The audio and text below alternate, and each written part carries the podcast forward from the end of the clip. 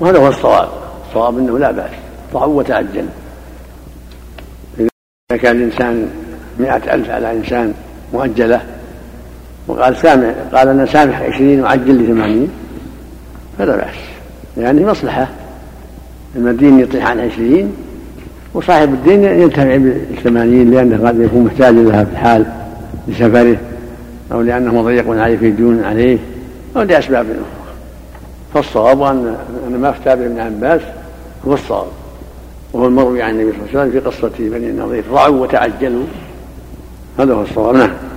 وقال البيهقي باب من عجل له أدنى من حقه قبل محله فوضع عنه طيبة بها أنفسهما وكأن مراده أن هذا وقع بغير شرط. بل هذا عجل وهذا وضع ولا محذور في ذلك. قالوا وهذا ضد الربا فإن ذلك يتضمن الزيادة في الأجل والدين. وذلك إضرار محض بالغريم ومسألتنا تتضمن براءة ذمة الغريم من الدين وانتفاع صاحبه بما يتعجله. فكلاهما وهو ضد وهو ضد الربا هذا ضد الربا. الربا زيادة تأخير وهذا تخفيض تعجيل ضد الربا. نعم. نعم. نعم. مثل ما سمعت صحة الحاكم ابن القيم رحمه الله يرى أنه لا بأس به. نعم. حتى لو ما صح الحديث. بمعنى شاهد لهذا كما قال ابن عباس. نعم. فكلاهما حصل له الانتفاع من غير ضرر بخلاف الربا المجمع عليه فإن ضرره لاحق بالمدين ونفعه مختص برب الدين. فهذا ضد الربا صورة ومعنى قالوا ولأن مقابلة الأجل بالزيادة في الربا ذريعة إلى أعظم الضرر وهو أن يصير وهو أن يصير الدرهم الواحد ألوفا مؤلفة فتشغل الذمة بغير فائدة. وفي الوضع والتعجيل تتخلص ذمة هذا من الدين وينتفع ذاك بالتعجيل له. قالوا والشارع له تطلع إلى براءة الذمم من الديون وسمى الغريم المدين أسيرا ففي براءة ذمته تخليص له من الأسر. وهذا ضد شغلها بالزيادة مع الصبر وهذا لازم لمن قال يجوز لمن قال يجوز ذلك في دين الكتابة وهو قول أحمد وأبي حنيفة. فإن المكاتب مع سيده كالأجنبي في باب المعاملات ولهذا لا يجوز له ولا يجوز أن يبيعه درهما بدرهمين ولا يبايعه بالربا ولا يبايعه بالربا فإذا جاز له أن يتعجل بعض كتابته ويضع عنه باقيها لما في لما له في ذلك من مصلحة تعجيل العتق. وبراءة ذمته من الدين لم يمنع ذلك في غيره من الديون ولو ذهب ذاهب إلى التفصيل في المسألة. وقال لا يجوز في في دين القرض إذا قلنا بلزوم تأجيله ويجوز في ثمن المبيع والأجرة وعوض الخلع والصداق. لكان له وجه فإنه في القرض يجب رد المثل فإذا عجل له وأسقط. فإذا عجل له وأسقط باقيه خرج عن موجب العقد وكان قد أقرضه مئة فوفاه تسعين بلا منفعة حصلت للمقرض. بل اختص المقترض بالمنفعة فهو كالمربي سواء في اختصاصه بالمنفعة دون الآخر. وأما في البيع والإجارة فإنهما يملكان فسخ العقد وجعل العوض حالا أنقص مما كان. وهذا هو حقيقة الوضع والتعجيل لكن تحيل عليه والعبرة في العقود بمقاصدها لا بصورها. فإن كان, فإن كان الوضع والتعجيل مفسدة فالاحتيال لا يزيل مفسدته. وإن لم يكن مفسدة لم يحتل لم يحتج إلى الاحتيال عليه. فتلخص في المسألة أربعة مذاهب. المنع مطلقا بشرط وبدونه في دين الكتابة وغيرها كقول مالك وجوازه في دين الكتابة دون غيره كالمشهور من مذهب أحمد وأبي حنيفة وجوازه في الموضعين كقول ابن عباس وأحمد في الرواية الأخرى وجوازه بلا شرط وامتناعه مع الشرط المقارن كقول أصحاب الشافعي والله أعلم. والصواب جوازه مطلقا. نعم. ضاع وتعجل نعم. المثال الحادي والعشرون إذا كان له عليه ألف درهم فصالحوا منها. الله قال رحمه الله تعالى المثال الحادي والعشرون إذا كان له عليه ألف درهم فصالحه منها على مئة درهم يؤديها إليه في شهر كذا من سنة كذا فإن لم يفعل فعليه مئتان.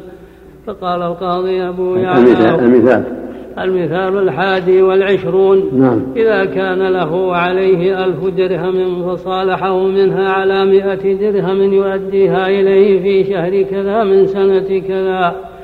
فإن لم يفعل فعليه مئتان فقال القاضي أبو يعلى هو جائز وقد أبطله قوم آخرون.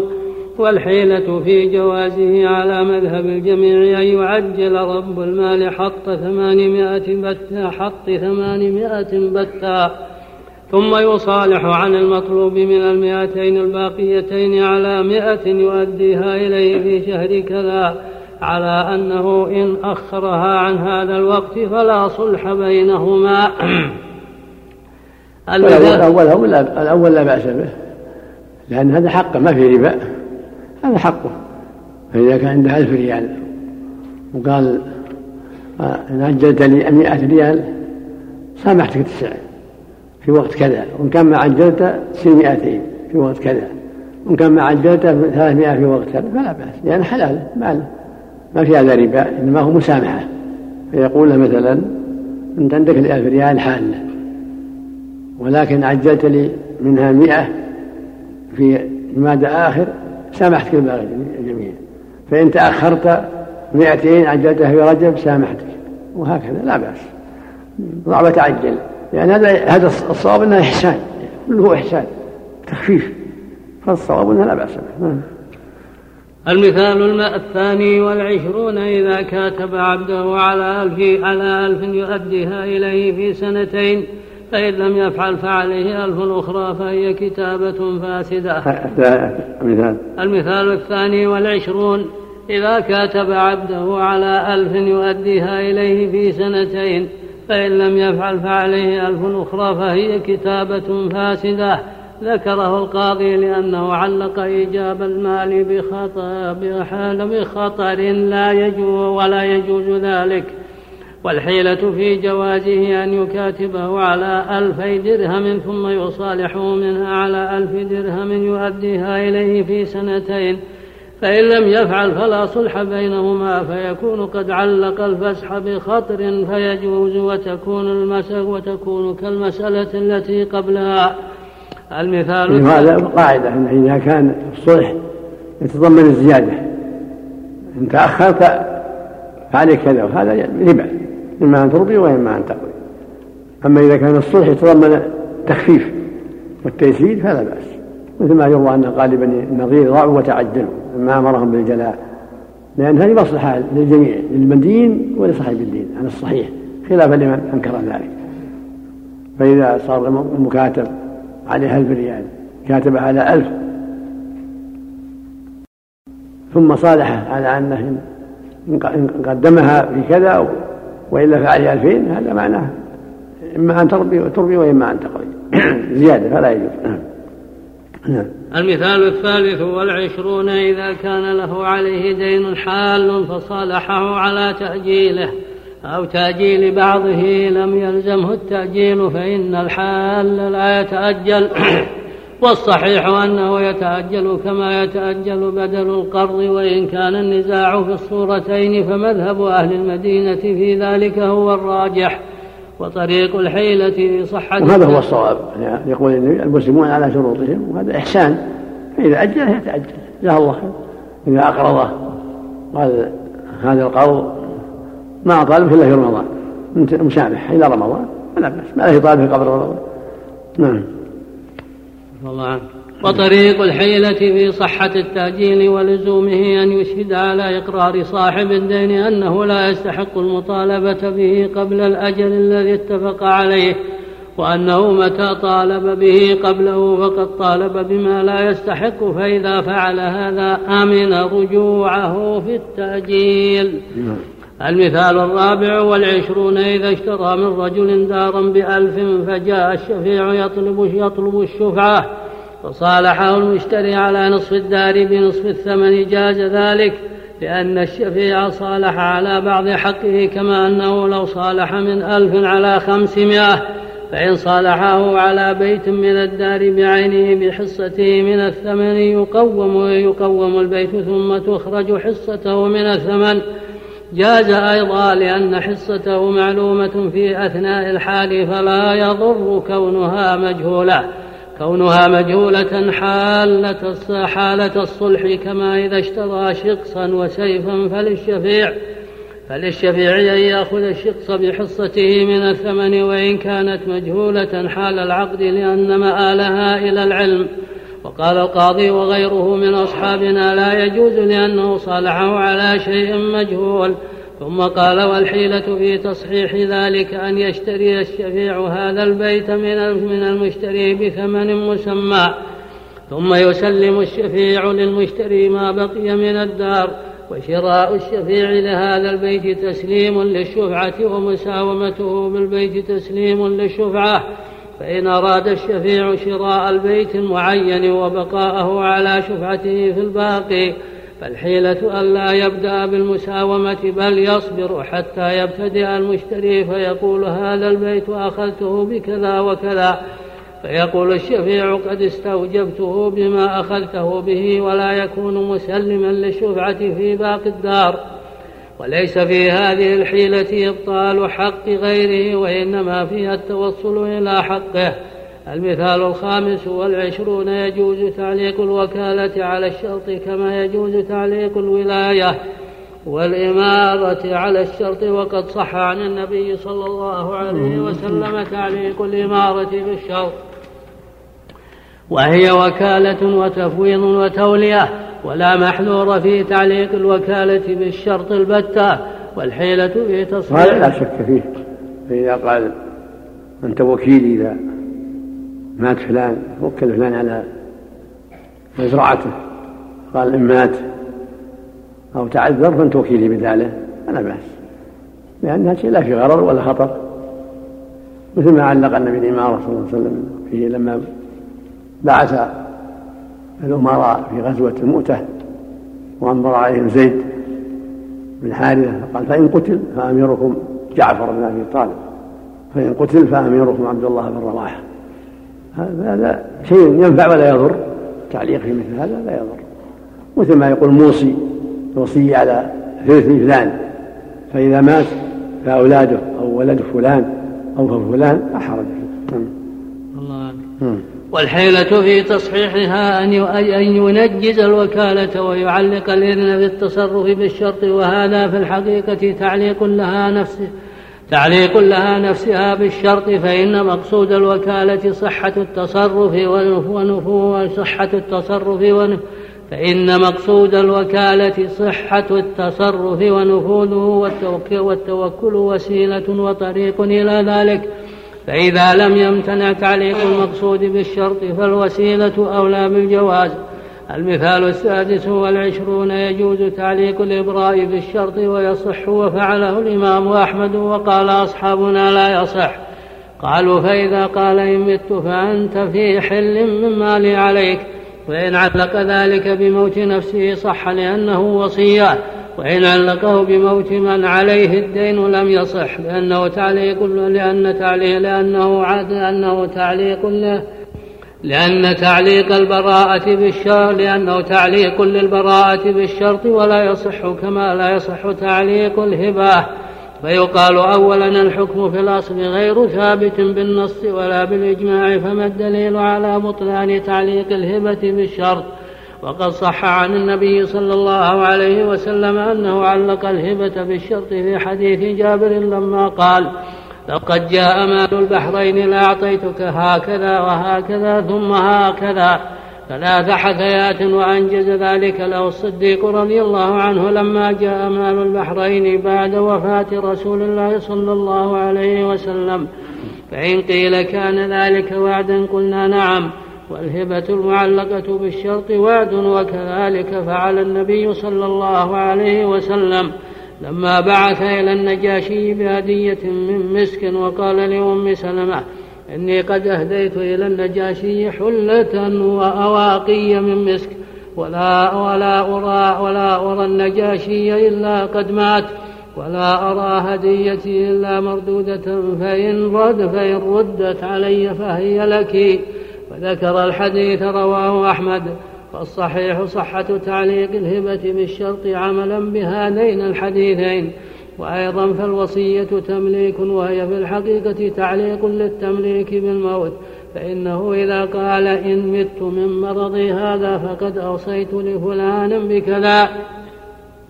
فهذا تمليك معلق بالموت وكذلك الصحيح صحة تعليق الوقف بالشرط نص عليه في رواية الميموني في تعليقه بالموت وسائر التعليق في معناه ولا فرق البتة ولهذا طرده أبو الخطاب وقال لا يصح تعليقه بالموت والصواب طرد النصي وأنه يصح تعليقه بالموت وغيره وهو أحد الوجهين في مذهب أحمد وهو مذهب مالك ولا يعرف عن أحمد نص على عدم صحته وإنما عدم الصحة قول القاضي وأصحابه.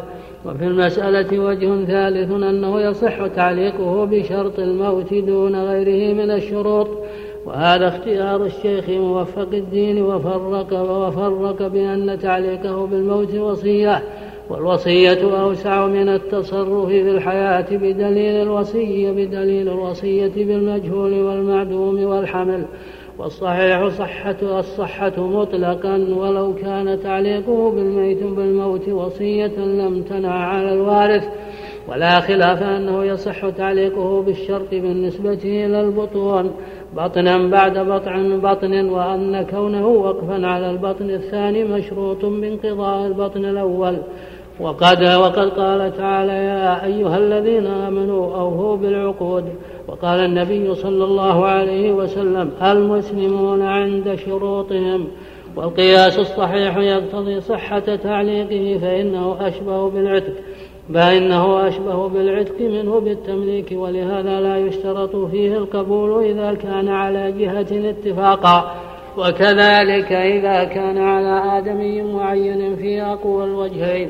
وما ذاك إلا لشبهه بالعتق والمقصود أن تعليق الإبراء بالشرط أولى من ذلك كله فمنعه مخالف لموجب الدليل والمذهب ويقال ثانيا لا يلزم من بطلان تعليق الهبة بطلان تعليق الإبراء بل القياس الصحيح يقتضي صحة تعليقه لأنه إسقاط محض ولهذا لا يفتقر إلى قبول المبرئ ولا رضاه فهو ولهذا لا يفتقر إلى قبول المبرأ ولا رضاه فهو بالعتق والطلاق أشبه منه بالتمليك وعلى هذا فيستغنى بحسب الصحة في ذلك كله عن الحيلة.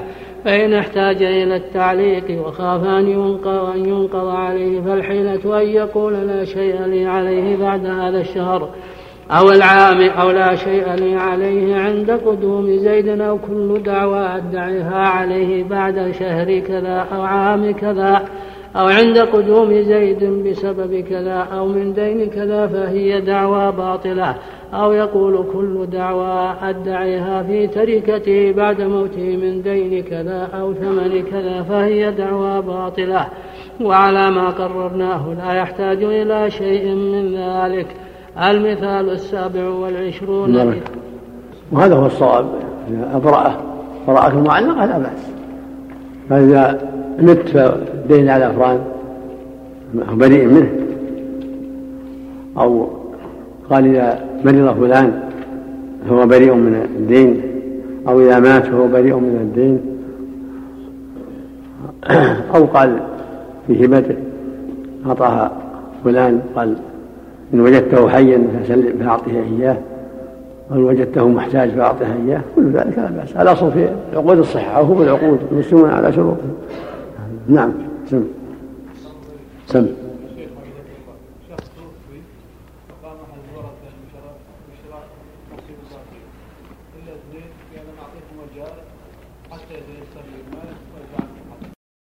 كيف؟ فقام أحد الورثة بشراء نصيب الباقي. فإلا اثنين قال أنا أعطيكم وجهات حتى يتيسر نصيبكم والتعاون إذا شرع نصيبهم وهم مرشدون. برضاهم ولا بأس. واللي ما باعوا على نصيبهم. ما في ما في ذا محذور. اللي ما باعوا ولا إذا اتفق معهم ولا شيء شيء لا بأس. المقصود أنه لابد يكون مرشدين اللي باعوا فإذا باع باع بعضهم بعضهم ما باع صح. كان ما به معلوم. ثم. قال رحمه الله تعالى المثال السابع والعشرون إذا عشر الزوج بنفقة المرأة. المثال السابع والعشرون إذا عشر الزوج بنفقة المرأة ملكة الفسخ فإن تحملها عنه غيره لم يسقط ملكها للفسخ لأن عليها في ذلك منة. كما إذا أراد قضاء دين عن الغير فامتنع ربه من قبوله لم يجبر على ذلك. وطريق الحيلة فيه به المثال السابع والعشرون إذا عشر الزوج بنفقة المرأة نعم. ملكة الفسخ فإن تحملها عنه غيره لم يسقط ملكها للفسخ لأن عليها في ذلك منة. كما إذا أراد قضاء دين عن الغير فامتنع ربه من قبوله لم يجبر على ذلك. وطريق الحيلة في إبطال حقها من الفسخ أن يحيلها بما وجب لها عليه من النفقة على ذلك الغير. فتصح الحوالة وتلزم على أصلنا إذا كان المحال عليه غنيا. وطريق صحة الحوالة أن يقر ذلك الغير للزوج بقدر معين لنفقتها سنة أو شهرا أو نحو ذلك. ثم يحيلها الزوج عليه فإن لم يمكنه الإجبار على القبول لعدم من يرى ذلك. وكل الزوج الملتزم وكل الزوج الملتزم لنفقتها في الإنفاق عليها والزوج مخير بين أن ينفق عليها بنفسه أو بوكيله. وهكذا العمل في مسألة أداء الدين عن الغير سواء المثال الثامن والعشرون إذا خاف المضارب أن يضمنه المالك بسبب من الأسباب التي لا يملكها بعقد المضاربة كخلط المال بغيره أو اشترائه بأكثر من رأس المال والاستدانة على مال المضاربة. أو دفعه إلى غيره مضاربة أو إبضاعا أو إيداعا أو السفر به في فطريق التخلص من ضمانه في هذا كله أن يشهد على رب المال أنه قال له اعمل برأيك أو ما تراه مصلحة.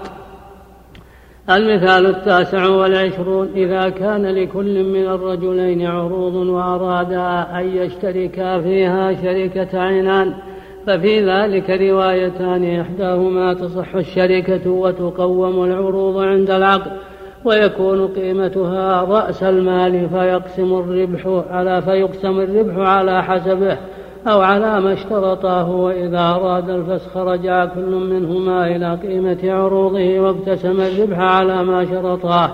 وهذا هو القول الصحيح والرواية الثانية لا تصح إلا على النقدين لأنهما إذا تفاسخ الشركة وأراد كل واحد منهما الرجوع إلى رأس ماله أو يقتسم الربح لم يعلم ما مقدار رأس مال كل منهما إلا بالتقويم وقد تزيد قيمة العروض وتنقص قبل العمل فلا يستقر رأس المال.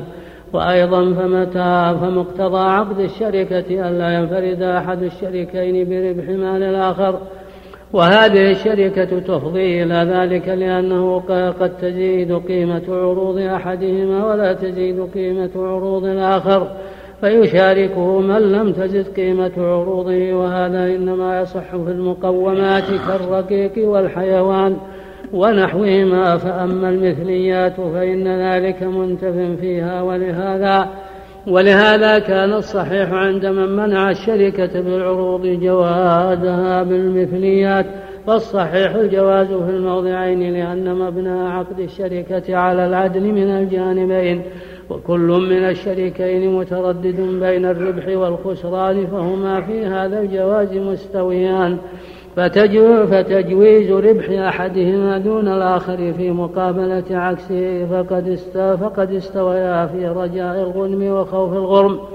وهذا هو العدل كالمضاربة فإنه يجوز أن يربح وأن يخسر. وكذلك المساقات والمزارعة وطريق الحيلة في تصحيح هذه المشاركة. عند من لا يجي من لا يجوزها بالعروض أن يبيع كل منهما بعض عروضه ببعض عروض صاحبه. فإذا كان عرض أحدهما يساوي خمسة آلاف وعرض الآخر يساوي ألفا فيشتري صاحب العرض الذي قيمته خمسة آلاف من صاحبه. خم خمسة أسداس عرضه الذي يساوي ألفا بسدس عرضه الذي يساوي خمسة آلاف. فإذا فعل ذلك صارا شريكين فيصير للذي يساوي متاعه ألفا سدس جميع المتاع وللآخر سدس وللآخر خمسة أسداس أو يبيع كل منهما صاحبه بعض عرضه بثمن مسمى. ثم يتقابضان فيصير, فيصير مشتركا بينهما ثم يأذن كل واحد منهما لصاحبه بالتصرف. فما حصل من الربح يكون بينهما على ما شرطاه عند أحمد وعلى قدر رؤوس أموالهما عند الشافعي. والخسران على قدر المال اتفاقا. المثال الثلاثون إذا تزوجها على أن لا يخرجها من دارها أو بلدها أو أن لا يتزوج عليها ولا يتسرى عليها فالنكاح صحيح والشرط لازم هذا إجماع الصحابة رضي الله عنهم. فإنه صح عن عمر وسعد ومعاوية ولا مخالف لهما من الصحابة وإليه ذهب عامة التابعين وقال به أحمد وخالف في ذلك الثلاثة فأبطلوا الشرط ولم يوجبوا الوفاء به فإذا احتاجت المرأة إلى ذلك ولم يكن عندها حاكم يرى صحة ذلك ولزومه فالحيلة لها في حصول مقصودها أن تمتنع من الإذن إلا أن تشترط بعد العقد. أنه إن سافر بها أو نقلها من دارها أو تزوج عليها فهي طالق أو لها الخيار في المقام معه. أو الفسخ فإن, فإن لم تثق به أن يفعل ذلك فإنها تطلب مهرا كثيرا جدا. إن لم يفعل وتطالب ما دونه وتطلب ما دونه إلا إن فعل. فإن شرط لها ذلك رضيت بالمهر الأدنى وإن لم يشرط ذلك طالبته بالأعلى. طالبته بالأعلى وجعلته حالا ولها أن تمنع نفسها حتى تقبضه أو يشرط لها ما سألته فإن قيل فعلى أي المهر المهرين يقع العقد قيل يقع على المهر الزائد لتتمكن من إلزامه بالشرط فإن خاف فإن خاف أن يشرط لها ما طلبت ويستقر عليه المهر الزائد فالحيلة أن يشهد عليها أنها لا تستحق عليه بعد الاشتراط شيئا من المبلغ الزائد على الصداق الأدنى. وأنها متى ادعت به فدعواها باطلة. فيستوثق منها بذلك ويكتب هو والشرط ويكتب هو والشرط ولها أن تطالب بالصداق الزائد. إذا لم يف لها بالشرط لأنها لم ترضى بأن يكون الأدنى مهرا إلا في مقابلة منفعة أخرى تسلم لها. وهي المقام في دارها أو بلدها ويكون الزوج لها وحدها وهذا جار مجرى بعض صداقها. فإذا فاتها فلها المطالبة بالمهر الأعلى. المثال الحادي والثلاثون إذا زوج ابنته. والصواب أن هذه الشروط جائزة والمصلحة ظاهرة ولا حاجة إلى الحيل فإذا شرطت عليه أنه يبقيها في بلدها أو عند أهلها أو أن لا يتزوج عليها فلا حرج لأن مصلحة ظاهرة. وقد رضي بهم. والرسول قال إن حق الشروط أن يوفى بما استحللتم به الفروج المسلمون على شروطهم.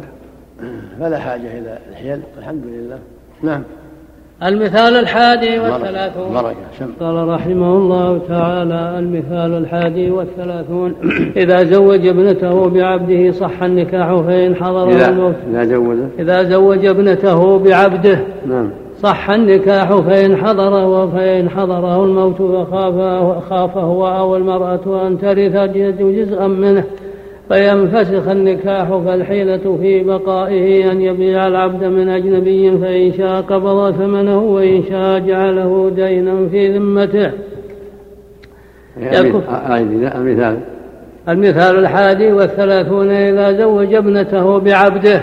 صح النكاح فإن حضره الموت فخاف هو أو المرأة أن ترث جزءا منه فينفسخ النكاح. فالحيلة في بقائه أن يبيع العبد من أجنبي فإن شاء قبض ثمنه وإن شاء جعله دينا في ذمته يكون حكمه حكم سائر ديونه. فإذا ورثت نصيبها من ثمنه لم ينفسخ نكاحها وإن باع العبد من أجنبي قبل العقد ثم زوجه لابنه. أمن هذا المحذور أيضا وكذلك إذا أراد أن يزوج أمته بابنه وخاف أن يموت فيرث الابن زوجته. فينفسخ النكاح فباعها من أجنبي ثم زوجها الابن أو يبيعها من الأجنبي بعد العقد. المثال الثاني والثلاثون إذا أحاله بدينه وخاف المحتال أن يتوي ماله أن يتوي ماله عند المحال عليه وأراد التوثق لماله فالحيلة في ذلك أن يقول لا تحلني بالمال ولكن وكلني في المطالبة به واجعل ما أقبضه في ذمتي قرضا فيبرآن جميعا بالمقاصة. المثال الثاني والثلاثون إذا أحاله بدينه وخاف المحتال أن يتوي ماله أن يتوي ماله عند المحال عليه وأراد التوثق وأراد التوثق لماله. فالحيلة في ذلك أن يقول لا تحلني بالمال ولكن وكلني في المطالبة به واجعل ما أقبضه في ذمتي قرضا فيبرأان جميعا بالمقاصة. فإن خاف المحيل أن يهلك المال في يد الوكيل قبل اقتراضه فيرجع عليه بالدين فالحيلة له أن يقول للمحال عليه اضمن عني هذا الدين لهذا الطالب فيضمنه فإذا قبضه قبضه لنفسه فإن امتنع المحال عليه من الضمان. احتال الطالب عليه على أنه إن لم يوفيه حقه إلى وقت كذا وكذا فالمحيل ضامن لهذا المال. ويصح تعليق الضمان بالشرط فإن وفاه المحيل عليه وإلا رجع إلى المحال وآخذه بالمال. المثال الثالث والثلاثون إذا كان له دين على رجل فرهنه به عبدا فخاف أن يموت العبد. فيحاكمه إلى من يرى سقوط الدين بتلف الرهن فالحيلة في تخليصه من هذا المحذور. أن يشتري العبد منه بدينه ولا يقبض العبد فإن وفاه دينه وقاله في البيع وإن لم يوفيه الدين طالبه بالتسليم وإن تلف العبد كان من ضمان البائع ورجع المشتري إلى دينه الذي هو ثمنه. المثال الرابع والثلاثون إذا كان له عليه دين فرهنه, فرهنه به رهنا ثم خاف أن يستحق الرهن فتبطل الوثيقة. فالحيلة فيه أن يضمن دينه لمن يخاف منه استحقاق الرهن فإذا استحقه فإذا استحقه عليه طالبه بالمال أو يضمنه درك الرهن أو يشهد عليه أنه لا حق له فيه. ومتى ادعى فيه حقا فدعواه باطلة المثال الخامس والثلاثون إذا كان له عليه مائة دينار خمسون منها بوثيقة.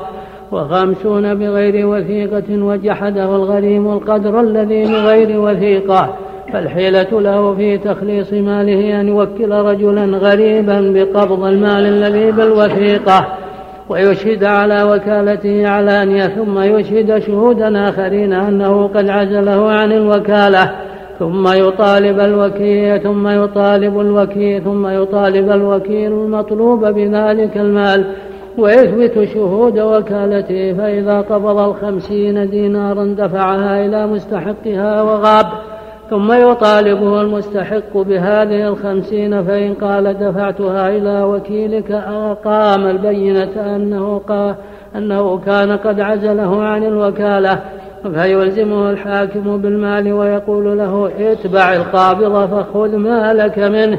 فإن كان الغريم حذرا لم يدفع إلى الوكيل شيئا خشية مثل هذا خشية مثل هذا ويقول لا أدفع إليك إلا بحضرة الموكل وإقراره أنك وكيله فتبطل هذه الحيلة. المثال السادس والثلاثون إذا حضره الموت ولبعض ورثته عليه دين وأراد تخليص ذمته فإن أقر له به لم يصح إقراره. وإن وصى له به كانت وصية لوارث فالحيلة في خلاصه أن يواطئه على أن يأتي بمن يثق به. فالحيلة. فالحيلة في خلاصه أن يواطئه على أن يأتي بمن يثق به فيقر له بذلك الدين. فإذا قبضه أوصله إلى مستحقه فإن خاف الأجنبي أن يلزمه الحاكم أن يحلف أن هذا الدين واجب لك على الميت. ولم تبرئه منه ولا من شيء منه لم يجز له أن يحلف على ذلك وانتقلنا إلى حيلة أخرى. وهي أن يقول له المريض بع, بع دارك أو عبدك من وارثي بالمال الذي له علي فيفعل. فإذا لزمته اليمين بعد هذا حلف على أمر صحيح فإن لم يكن له ما يبيعه إياه. وهب له الوارث عبدا أو أمة فقبضه ثم باعه من الوارث بالدين الذي على الميت. المثال السابع والثلاثون. المقصود من هذا كله الحيلة الجائزة. الحيلة الجائزة التي تخلص بها من ظلم أو من ضياع الحق. هذا مقصود رحمه الله الحيلة الجائزة. نعم. نعم. يا شيخ سلمك الله الحيلة نعم. المباحة هل لها ضابط؟ لا بس ألا ألا تخالف الشرع. نعم. المثال السابع والثلاثون إذا نكح أمة حيث يجوز له نكاح الإماء وخاف أن أن يسترق سيدها ولده فالحيلة في ذلك أن يسأل سيد الأمة أن يقول كل أن يقول كل كل ولد تلده منك فهو حر فإذا قال هذا فما ولدته منهم فهم أحرار. المثال الثامن والثلاثون إذا قال لامرأته إن سألتني الخلع فأنت طالق ثلاثا إن لم أخلعك. وقالت المرأة كل مملوك لها حر إن لم أسألك الخلع اليوم. فسئل أبو حنيفة عنها فقال للمرء سايس فسليه الخلع. فقال للمرأة سليه الخلع. فقالت أسألك أن تخلعني. فقال للزوج قل خلعتك خلعتك خلعتك.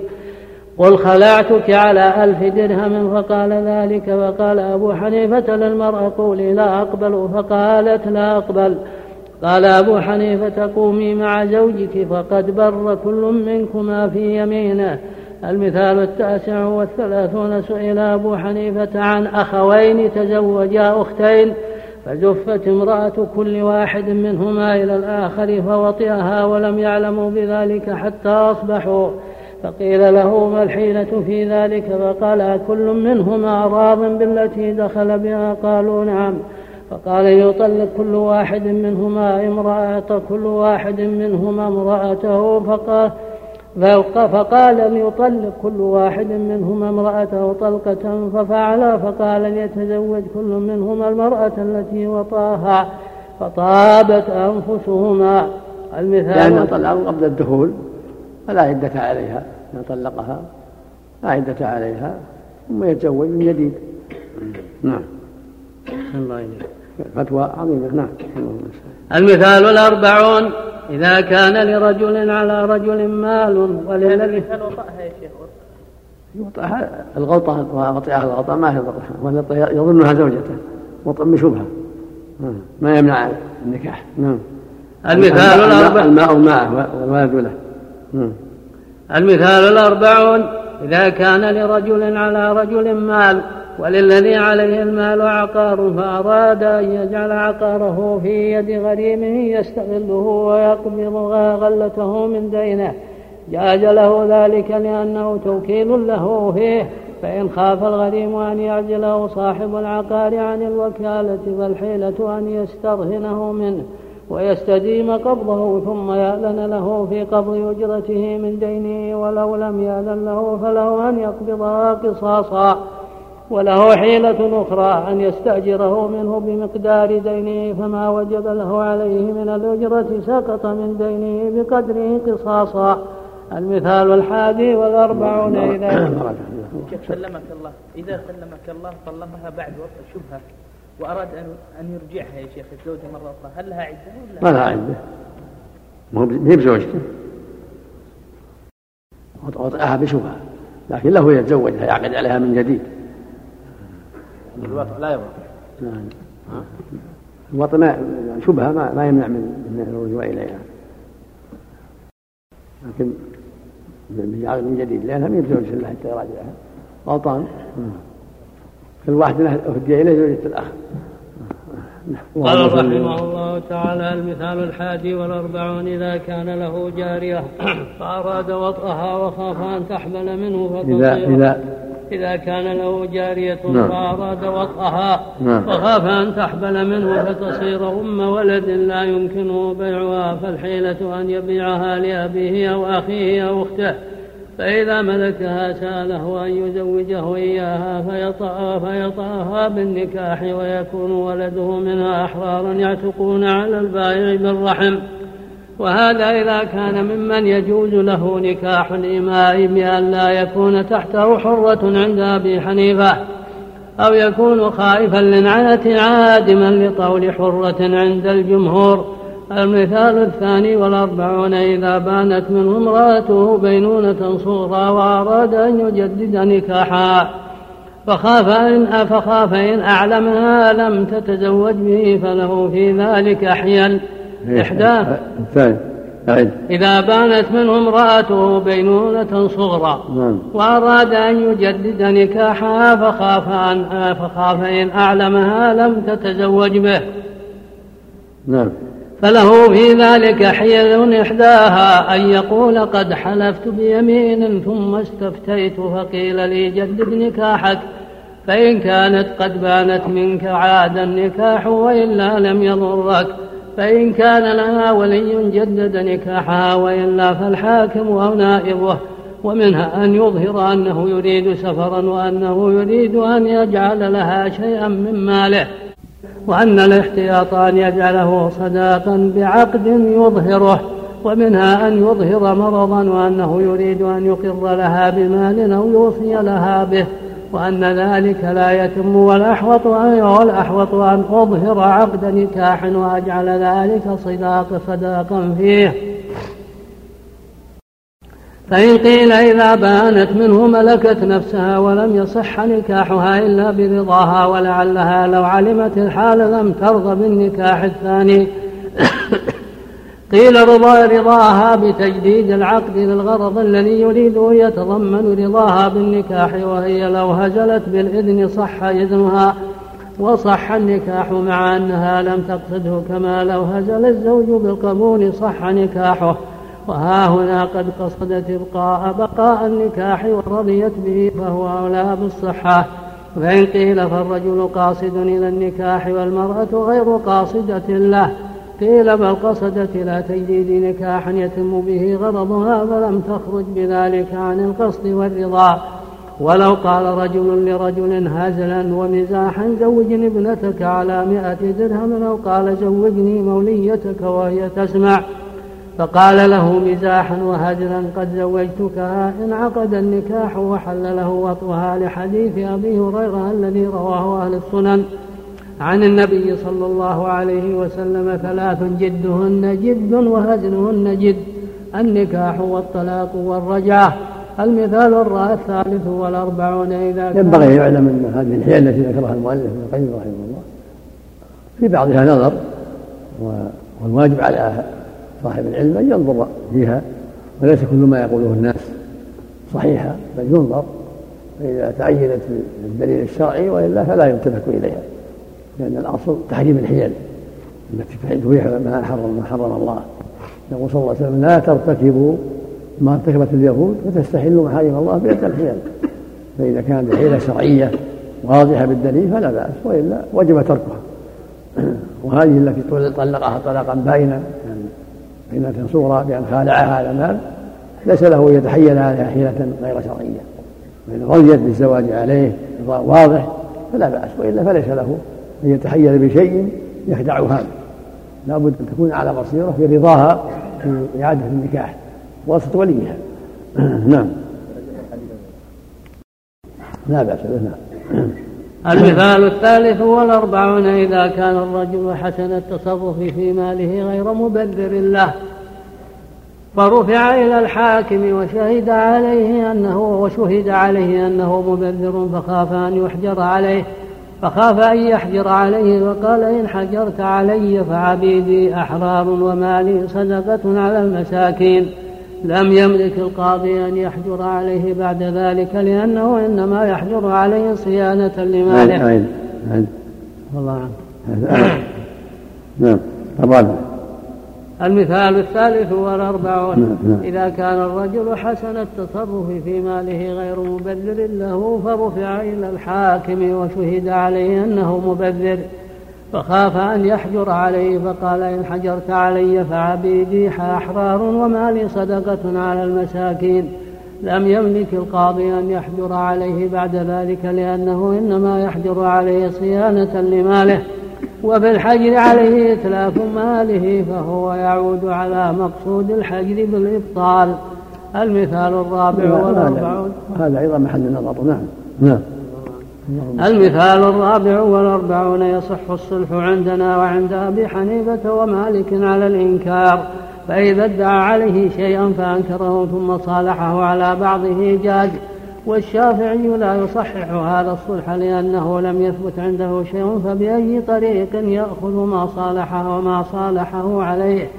بخلاف الصلح على الإقرار فإنه إذا أقر له بالدين والعين فصالحه على بعضه كان قد وهبه وأبرأه من البعض الآخر والجمهور يقولون قد دل الكتاب والسنة والقياس على صحة هذا الصلح فإن الله سبحانه وتعالى ندب إلى الإصلاح بين الناس وأخبر أن الصلح خير وقال إنما المؤمنون إخوة فأصلحوا بين أخويكم.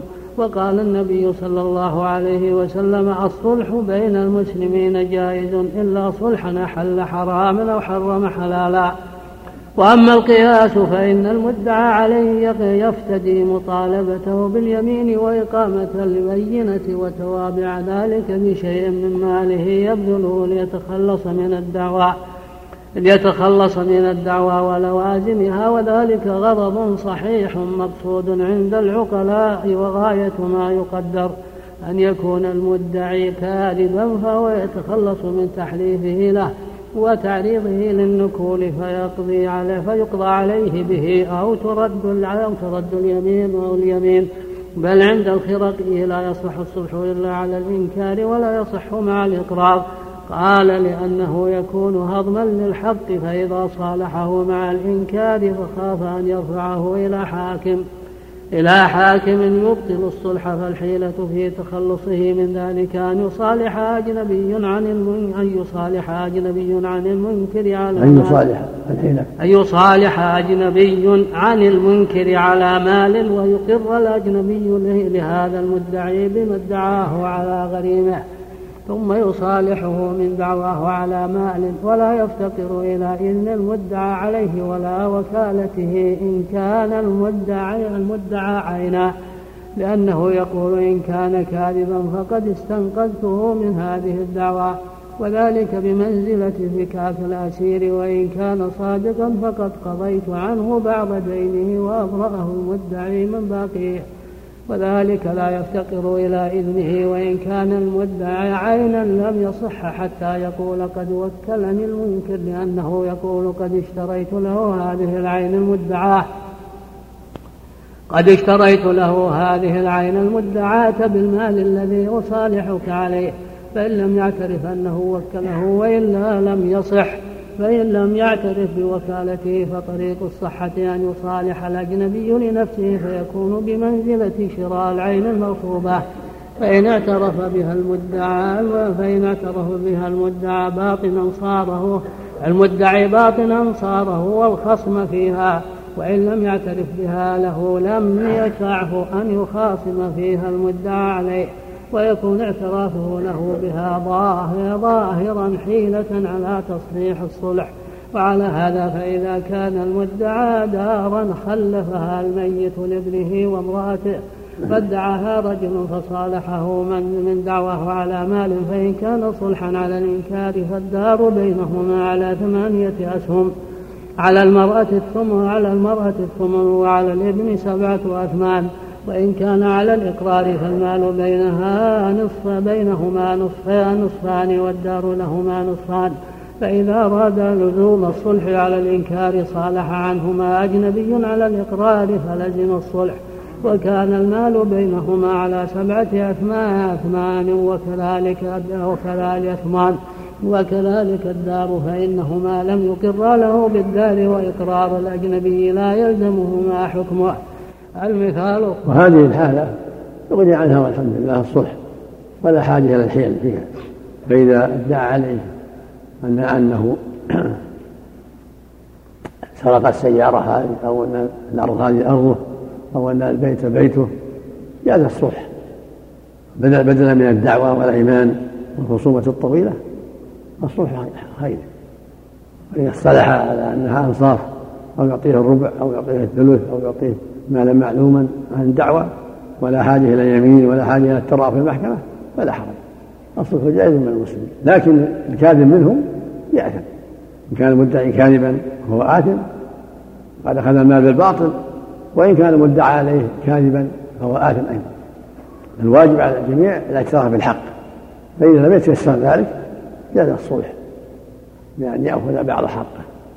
النصف أو الثلث أو أقل أو أكثر. أو مالا معينا بدل الدعوى أو بدل الترافع إلى المحكمة ولا حرج في ذلك. نعم. جاء من طريق بعضها ضعيف وبعضها ضعيف جاء بعض الطرق ضعيفة وبعضها يشد بعضها بعضا. نعم. الله عنك. المثال الخامس والأربعون إذا ادعى عليه أرضا في يده ولا عندك في هذا قوله تعالى فاتقوا الله وأصلحوا ذات بينكم. قوله تعالى الصلح جل وعلا رسول الخير. قوله تعالى في قصة فئتين فأصلحوا بينهما. العمدة الآيات الكريمات الصلح. نعم. المثال الخامس والأربعون إذا ادعى عليه أرضا في يده أو دارا أو بستانا فصالحه على عشرة أذرع أو أقل أو أكثر جاز وكذلك لو صالحه على عشرة أذرع من أرض أو دار أخرى جاز لأنه يقول قد أخذت بعض حقي وأسقطت البعض.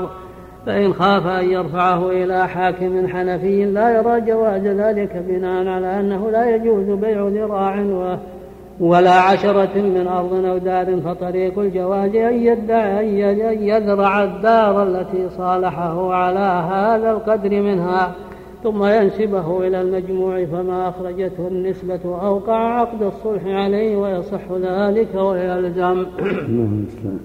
المثال السادس والأربعون إذا أوصى لرجل بخدمة عبده.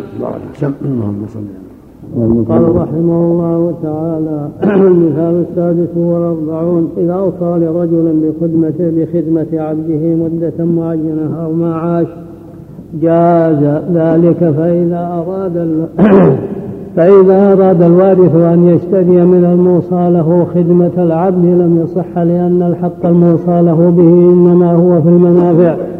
وبيع المنافع لا يجوز الحيلة في الجواز أن يصالحه الوارث من وصيته على مال معين فيجوز ذلك. وكذلك لو أوصى له بحمل بحمل شاته أو أمته أو بما يحمل شجره عاما أو بما يحمل شجره عاما فإذا أراد الوارث شراءه منه لم يصح وله أن يصالحه عليه فإن الصلح وإن كان فيه شائبة من البيع فهو أوسع منه. المثال السابع والأربعون لو شجه رجل فعفى المشجوج عن الشجة وما يحدث منها ثم مات منها. لم يلزم الشاج شيئا ولو قال عفوت عن هذه الجارحة أو الشجة ولم يقل وما يحدث منها. فكذلك في إحدى الروايتين وفي الأخرى تضمن بقسطها من الدية. ولو قال عفوت عن هذه الجناية فلا شيء له في السراية رواية واحدة. وعند أبي حنيفة له المطالبة بالدية في ذلك كله إلا إذا قال عفوت عنها وما وعن ما يحدث منها. الحيلة في تخلص المعفو عن المعفو عنه أن يشهد على المجني عليه أنه عفى عن هذه الجناية أو الشجاع وما يحدث منها فيتخلص عند الجميع. المثال الثامن والأربعون إذا مات وترك زوجة وورثة. فأرادت الزوجة أن يصالح أن يصالحها الورثة عن حقها نظرنا في التركة وفي الذي وقع عليه الصلح. فإن كان في التركة أثمان ذهب وفضة وصالحتهم على شيء من الأثمان لم يصح. لإفضائه إلى الربا فإن صلحها بيع نصيبها منهم وإن صالحتهم على عرض على عرض على عرض أو عقار أو كان في التركة دراهم. فصالحتهم بدنانير أو بالعكس جاز ولا تضر جهالة حقها لأن عقد الصلح أوسع من البيع كما تقدم. فإن كان في التركة ديون لم يصح الصلح لم يصح الصلح لأن بيع الدين من غير الذي هو في ذمته لا يصح. ويحتمل أن يقول بصحته أن يقول بصحته كما يصح عن المجهول وإن لم يصح بنفسه. الحيلة في صلحها عن الدين أيضا أن يعجل لها حصتها من الدين يقرضها الورثة. يقرضها الورثة ذلك وتوكلهم في اقتضائه ثم تصالحهم على الأعيان على ما اتفقوا عليه لأنهم إذا أقرضوها حصتها من الدين ثم وكلتهم بقبض حصتها من الدين فإذا قبضوا حصتها من الدين فقد حصل في أيديهم بمال بمال بمالها. من جنس ما لهم عليها فيتقاصان ويكون عقد الصلح قد وقع على العروض والمتاع خاصة. فإذا لا فإن لم تطب أنفسهم أن يقرضوها قدر حصتها من الدين وأحبت تأجيل الصلح صالحتهم عن حقها من المتاع والعروض دون الديون وكلما قبض من الدين شيء وأخذت حقها منه فإن تعسر ذلك وشق عليها وأحبت الخلاص حاسبوها بالصلح من الأعيان بأكثر من حقها منها وأقرت أن الدين حق للورثة دونها من ثمن متاع باعه الميت لهم.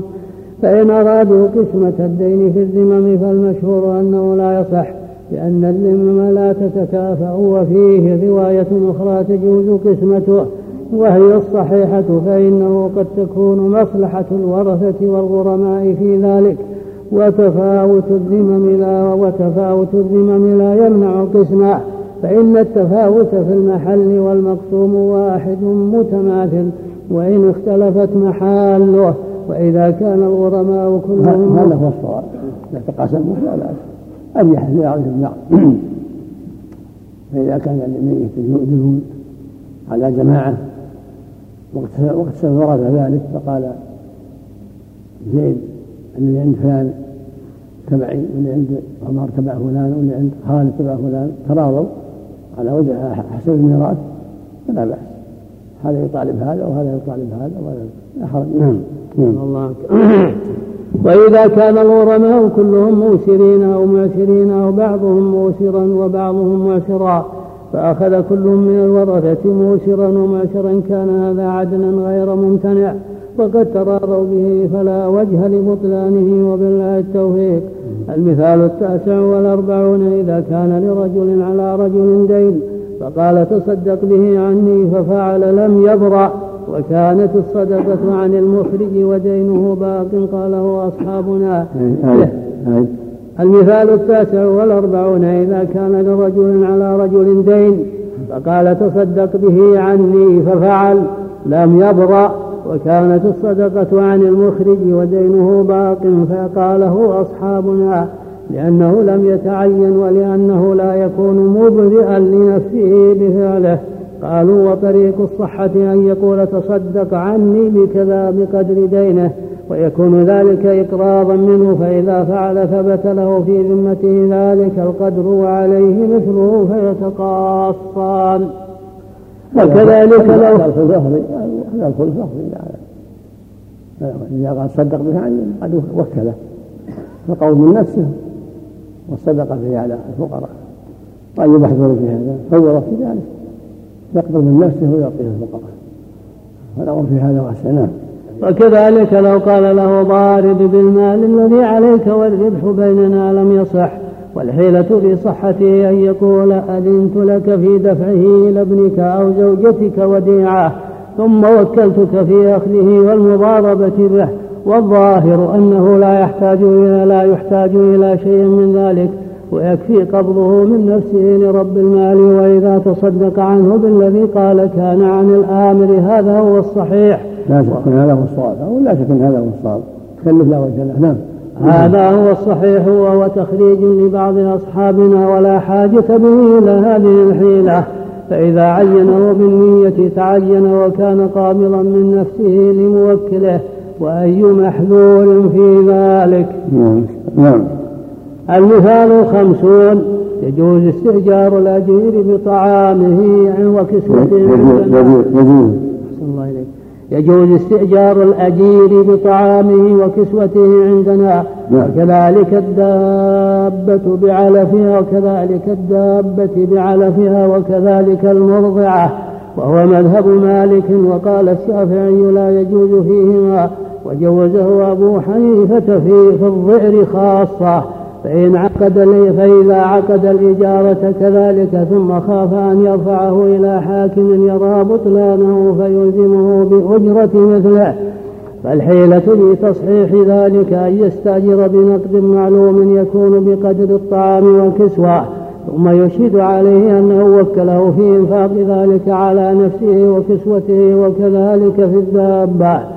المثال الحادي والخمسون يجوز للمستأجر أن يؤجر ما استأجره المؤجر كما يجوز لغيره وأبو حنيفة يبطل هذه الإجارة فالحيلة في لزومها أن يؤجر ذلك لأجنبي غير المؤجر ثم يؤجره إياها لأجنبي.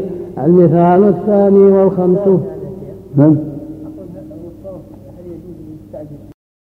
لا بأس قال بحنيفة ليس بشيء ولا بحنيفة ليس بشيء صواب ولا استأجرت من زيد بيته بعشرة آلاف ريال سنة أو سنتين ثم أحتاج.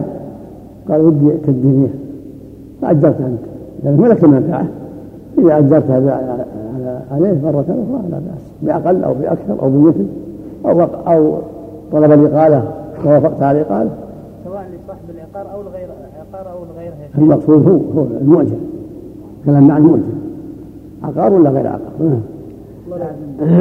عقار ولا سيارة ولا غيرها؟ هو هو مستأجر صاحب الملك هو مستأجر أجرة طالب منها يجري أجر عليك بيت ثم احتاجه قال ودي بدك تجريه أعطيك في كذا زيادة فائدة. أو أقل أو بمثل أو قال أقلني سامحني رد علي ورد عليك باقي الأجرة. كله كله طيب.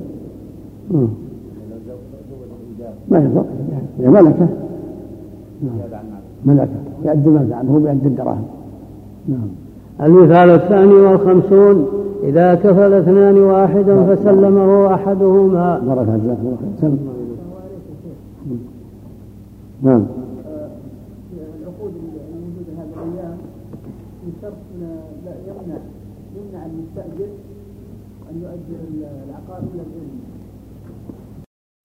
المسلمون على شروطه إذا شرط المسلمون على شروطه إذا شرط عليه المسلمون على شروطه أما إذا كان هناك شرط له أن يؤجر. على مثلها أو أقل. على مثله المنفعة أو أقل. على وجه لا يضر المستأجر.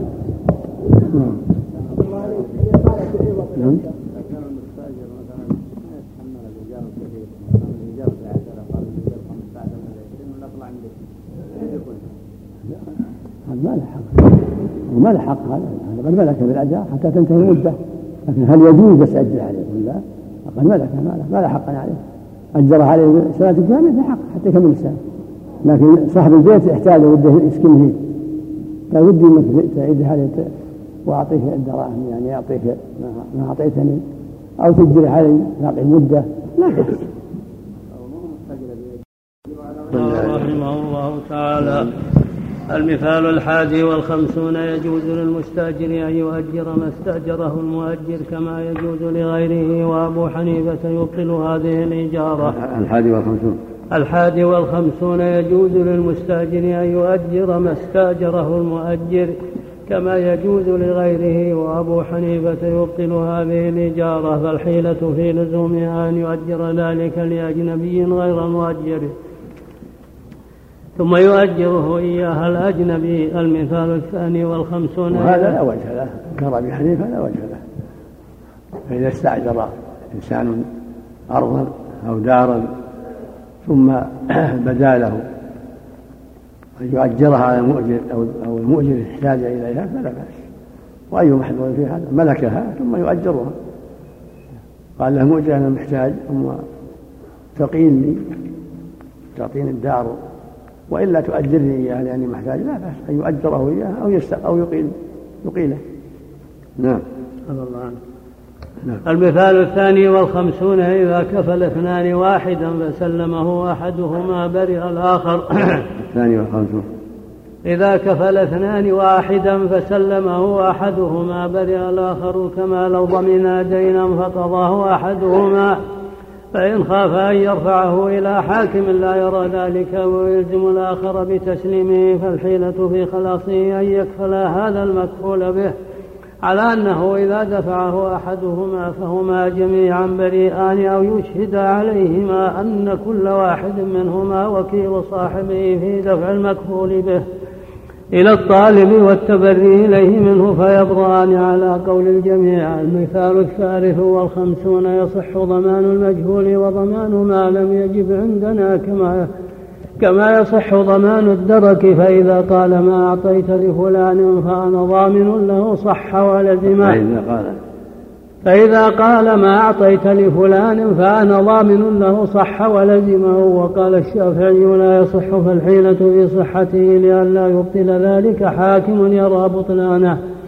أن يقول ما أعطيت لفلان من درهم إلى ألف فأنا ضامن له. فإن ضمنه اثنان وأطلقا جاز واستويا في الغرم فإن ضمناه على أن على أن على أحدهما ثلث وعلى الآخر الثلثين جاز ذلك لأن المال إنما يجب على كل منهما بالتزامه فإذا التزماه على هذا الوجه صح فإن أراد أحد الضامنين أن يضمن الآخر ما لزمه من هذا الضمان. فيصير ضامنا جاز ذلك أيضا لأن المال قد ثبت في ذمة كل واحد منهما فإذا ضمنه أحدهما جاز. كما يجوز في الأصل.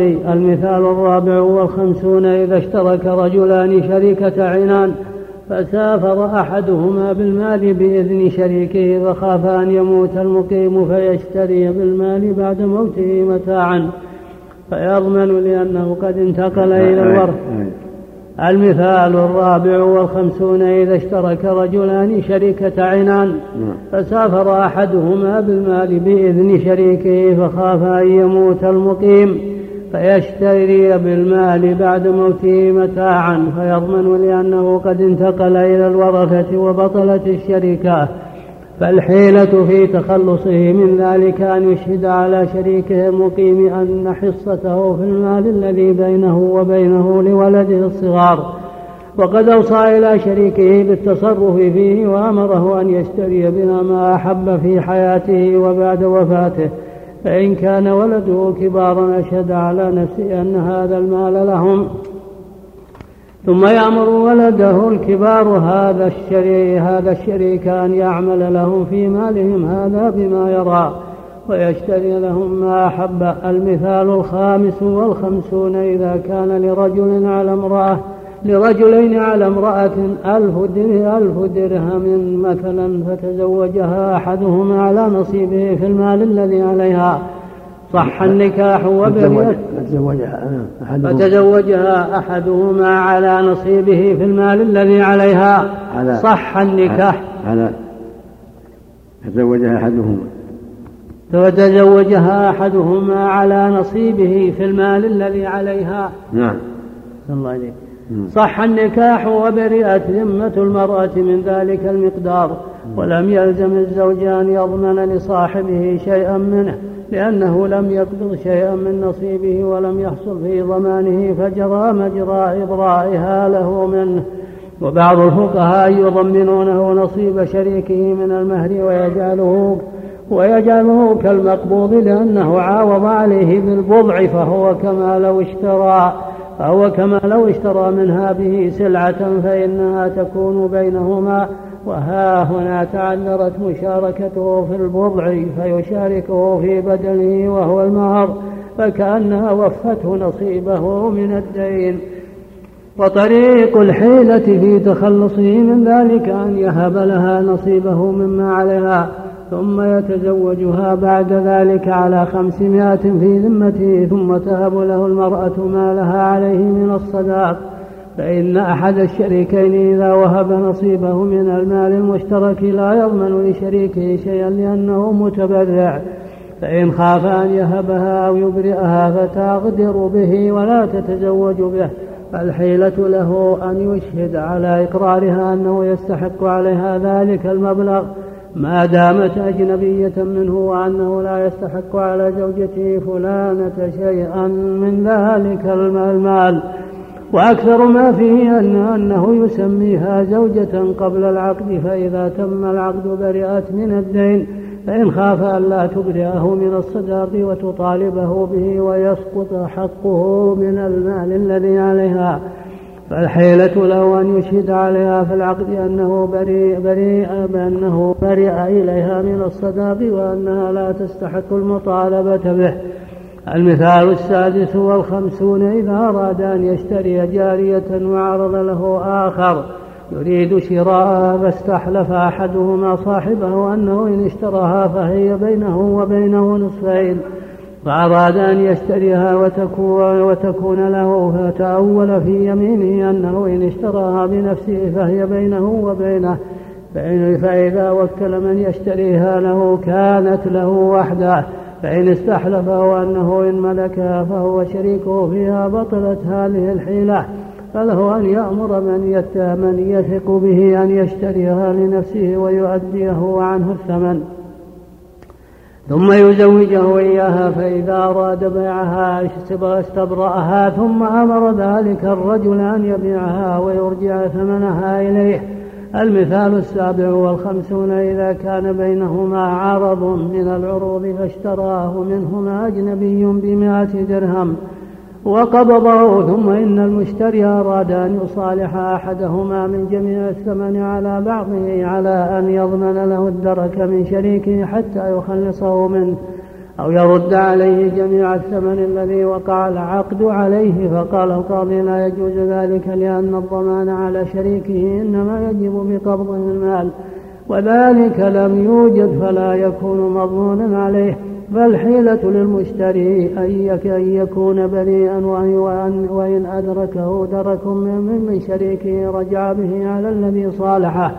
أن يحط الشريك المصالح أن يحط الشريك المصالح عن المشتري نصيبه كله من الثمن ثم يدفع المشتري إليه نصيب صاحبه فصالحه على أنه ضامن لما أدركه من شريكه حتى يخلصه منه أو يرد حتى يخلصه منه أو يرد عليه. أو يرد عليه ما قبضه منه ويبرئه من نصيبه ومن نصيبه لأنه إذا أبرأه من نصيبه لم يبق من الدين إلا نصيب صاحبه. فإذا قبضه كان مضمونا عليه لأنه قبض دين الغير بغير أمره. المثال الثامن والخمسون إذا كان عبد بين شريكين موسرين قال ابن القيم رحمه الله تعالى المثال الثامن والخمسون إذا كان إذا كان عبد بين شريكين موسرين فأراد كل منهما عتق نصيبه وأن لا يغرم لشريكه شيئا فالحيلة أن يوكل رجلا فيعتقه عنهما ويكون ولاؤه بينهما. المثال التاسع والخمسون. إذا كان عبد بين شريكين موسرين فأراد كل منهما عتق نصيبه وأن لا يغرم لشريكه شيئا. نعم. فالحيلة أن يوكل رجلا فيعتقه عنهما ويكون ولاؤه بينهما. أو يوكل أحدهما الآخر. أو يوكل أحدهما الآخر. نعم. المثال نعم يكون ولاء بينهما نعم. المثال التاسع والخمسون إذا سأله عبد أن يزوجه أمته فحلف أن لا يفعل.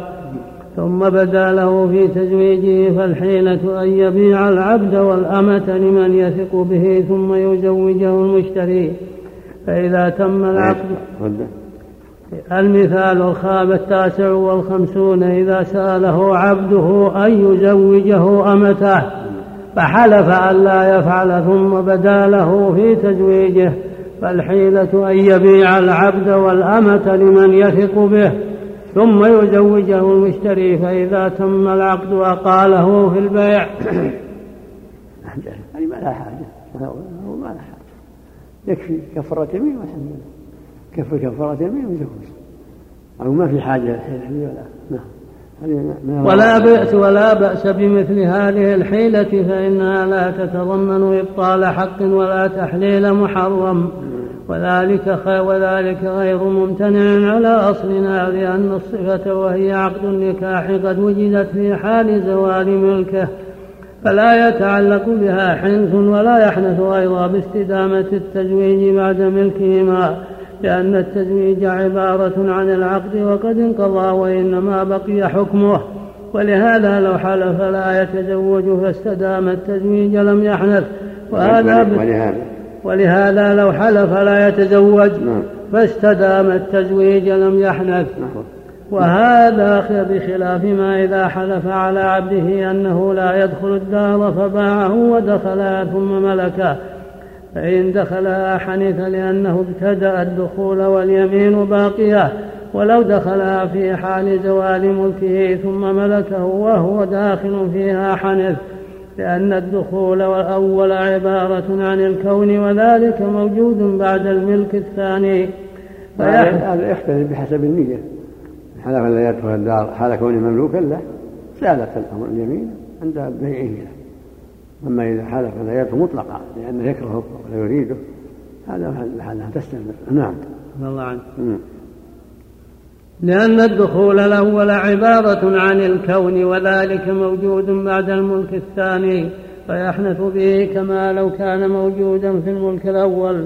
وقد قال أحمد في رواية مهنا في رجل قال لامرأته أنت طالق إن رهنت كذا وكذا.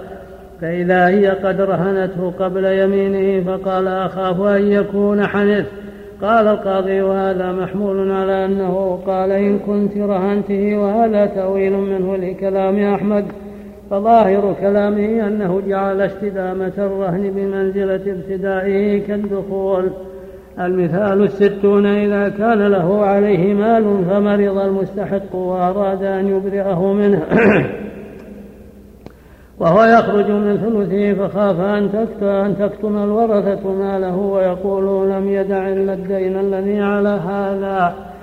فالحيلة في خلاصه أن يخرج المريض من ماله بقدر الدين على غريمه فيملكه إياه ثم يستوفيه منه ويشهد على ذلك وكذلك إذا أراد المريض أن يعتق عبدا وله مال يخرج من ثلثه.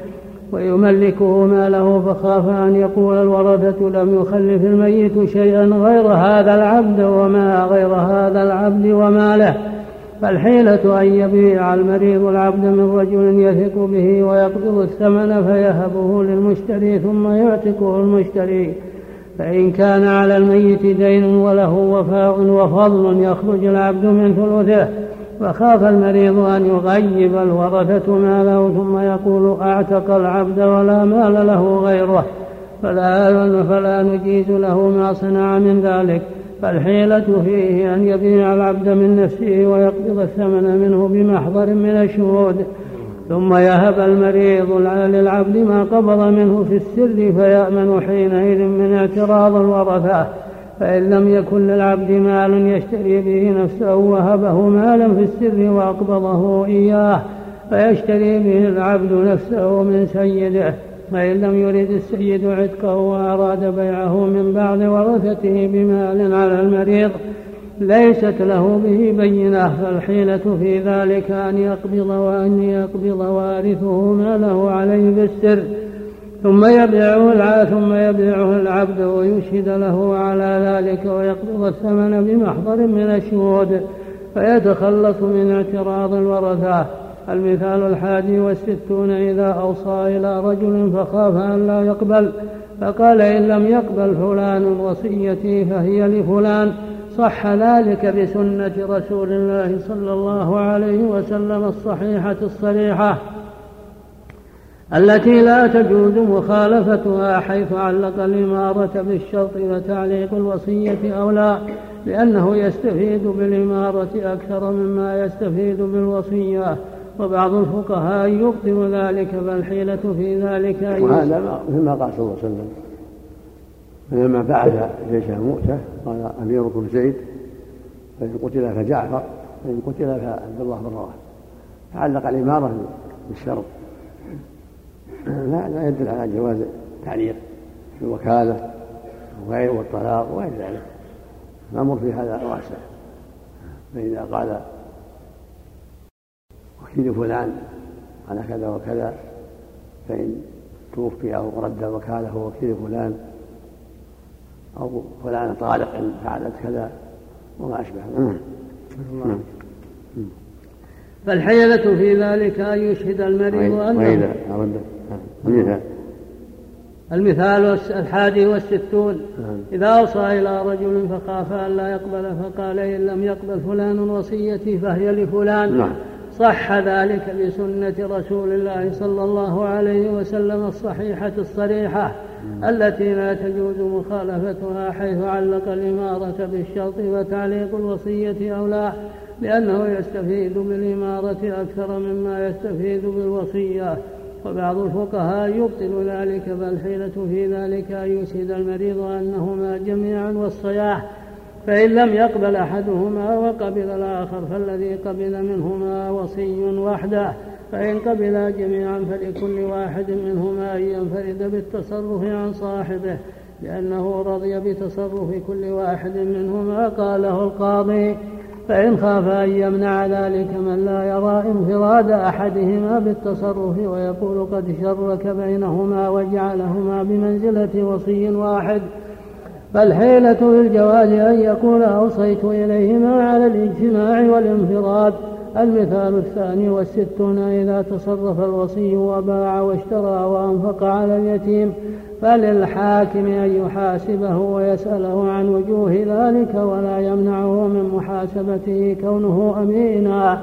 فإن النبي صلى الله عليه وسلم حاسب عماله كما ثبت في صحيح البخاري أنه بعث ابن اللتبية عاملا على الصدقة فلما جاء حاسبه فإن أراد الوصي أن يتخلص من ذلك فالحيلة له أن يجعل غيره هو الذي يتولى بيع التركة. بيع التركة وقبض الدين والإنفاق وقبض الدين والإنفاق ولا يشهد على نفسه ولا يشهد على نفسه بوصول شيء من ذلك إليه. فإذا سأله الحاكم قال لم يصل إلي شيء من التركة ولا تصرفت فيها. فإن كانت التركة قد بيعت بأمره وقبض ثمنها بأمره وصرف بأمره فحل فحلفه الحاكم أنه لم يقبض ولم يوكل من قبض وتصرف وأنفق فإن كان محسنا قد وضع التركة موضعها ولم يخن وسعه أن يتأول في يمينه وإن كان ظالما لم ينفعه تأويله. الله العافية المثال الثالث والستون يصح وقف الإنسان على نفسه. اللهم صل نعم. رحمه الله. نعم. رحمه الله. نعم.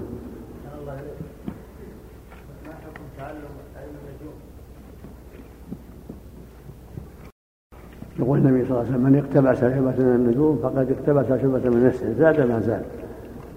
إذا كان التأثير أما تعلم من أهل المنازل فلا بأس هذا الصحيح. أهل منازل القمر حتى يهتدي بذلك إلى أوقات الأوقات المعروفة فلا بأس. تعلم منازل القمر تعلم النجوم للسير معرفة الطرقات كما قال تعالى وهو الذي جعل لكم النجوم لتهتدوا بها في ظلمات البر والبحر. قال تعالى وعلامات بالنجم هم يهتدون. تعلم منازل حتى تعرف الطرق والمياه والأوقات أوقات الصيف والشتاء الحر لا بأس بها أما للتأثير لا. نعم.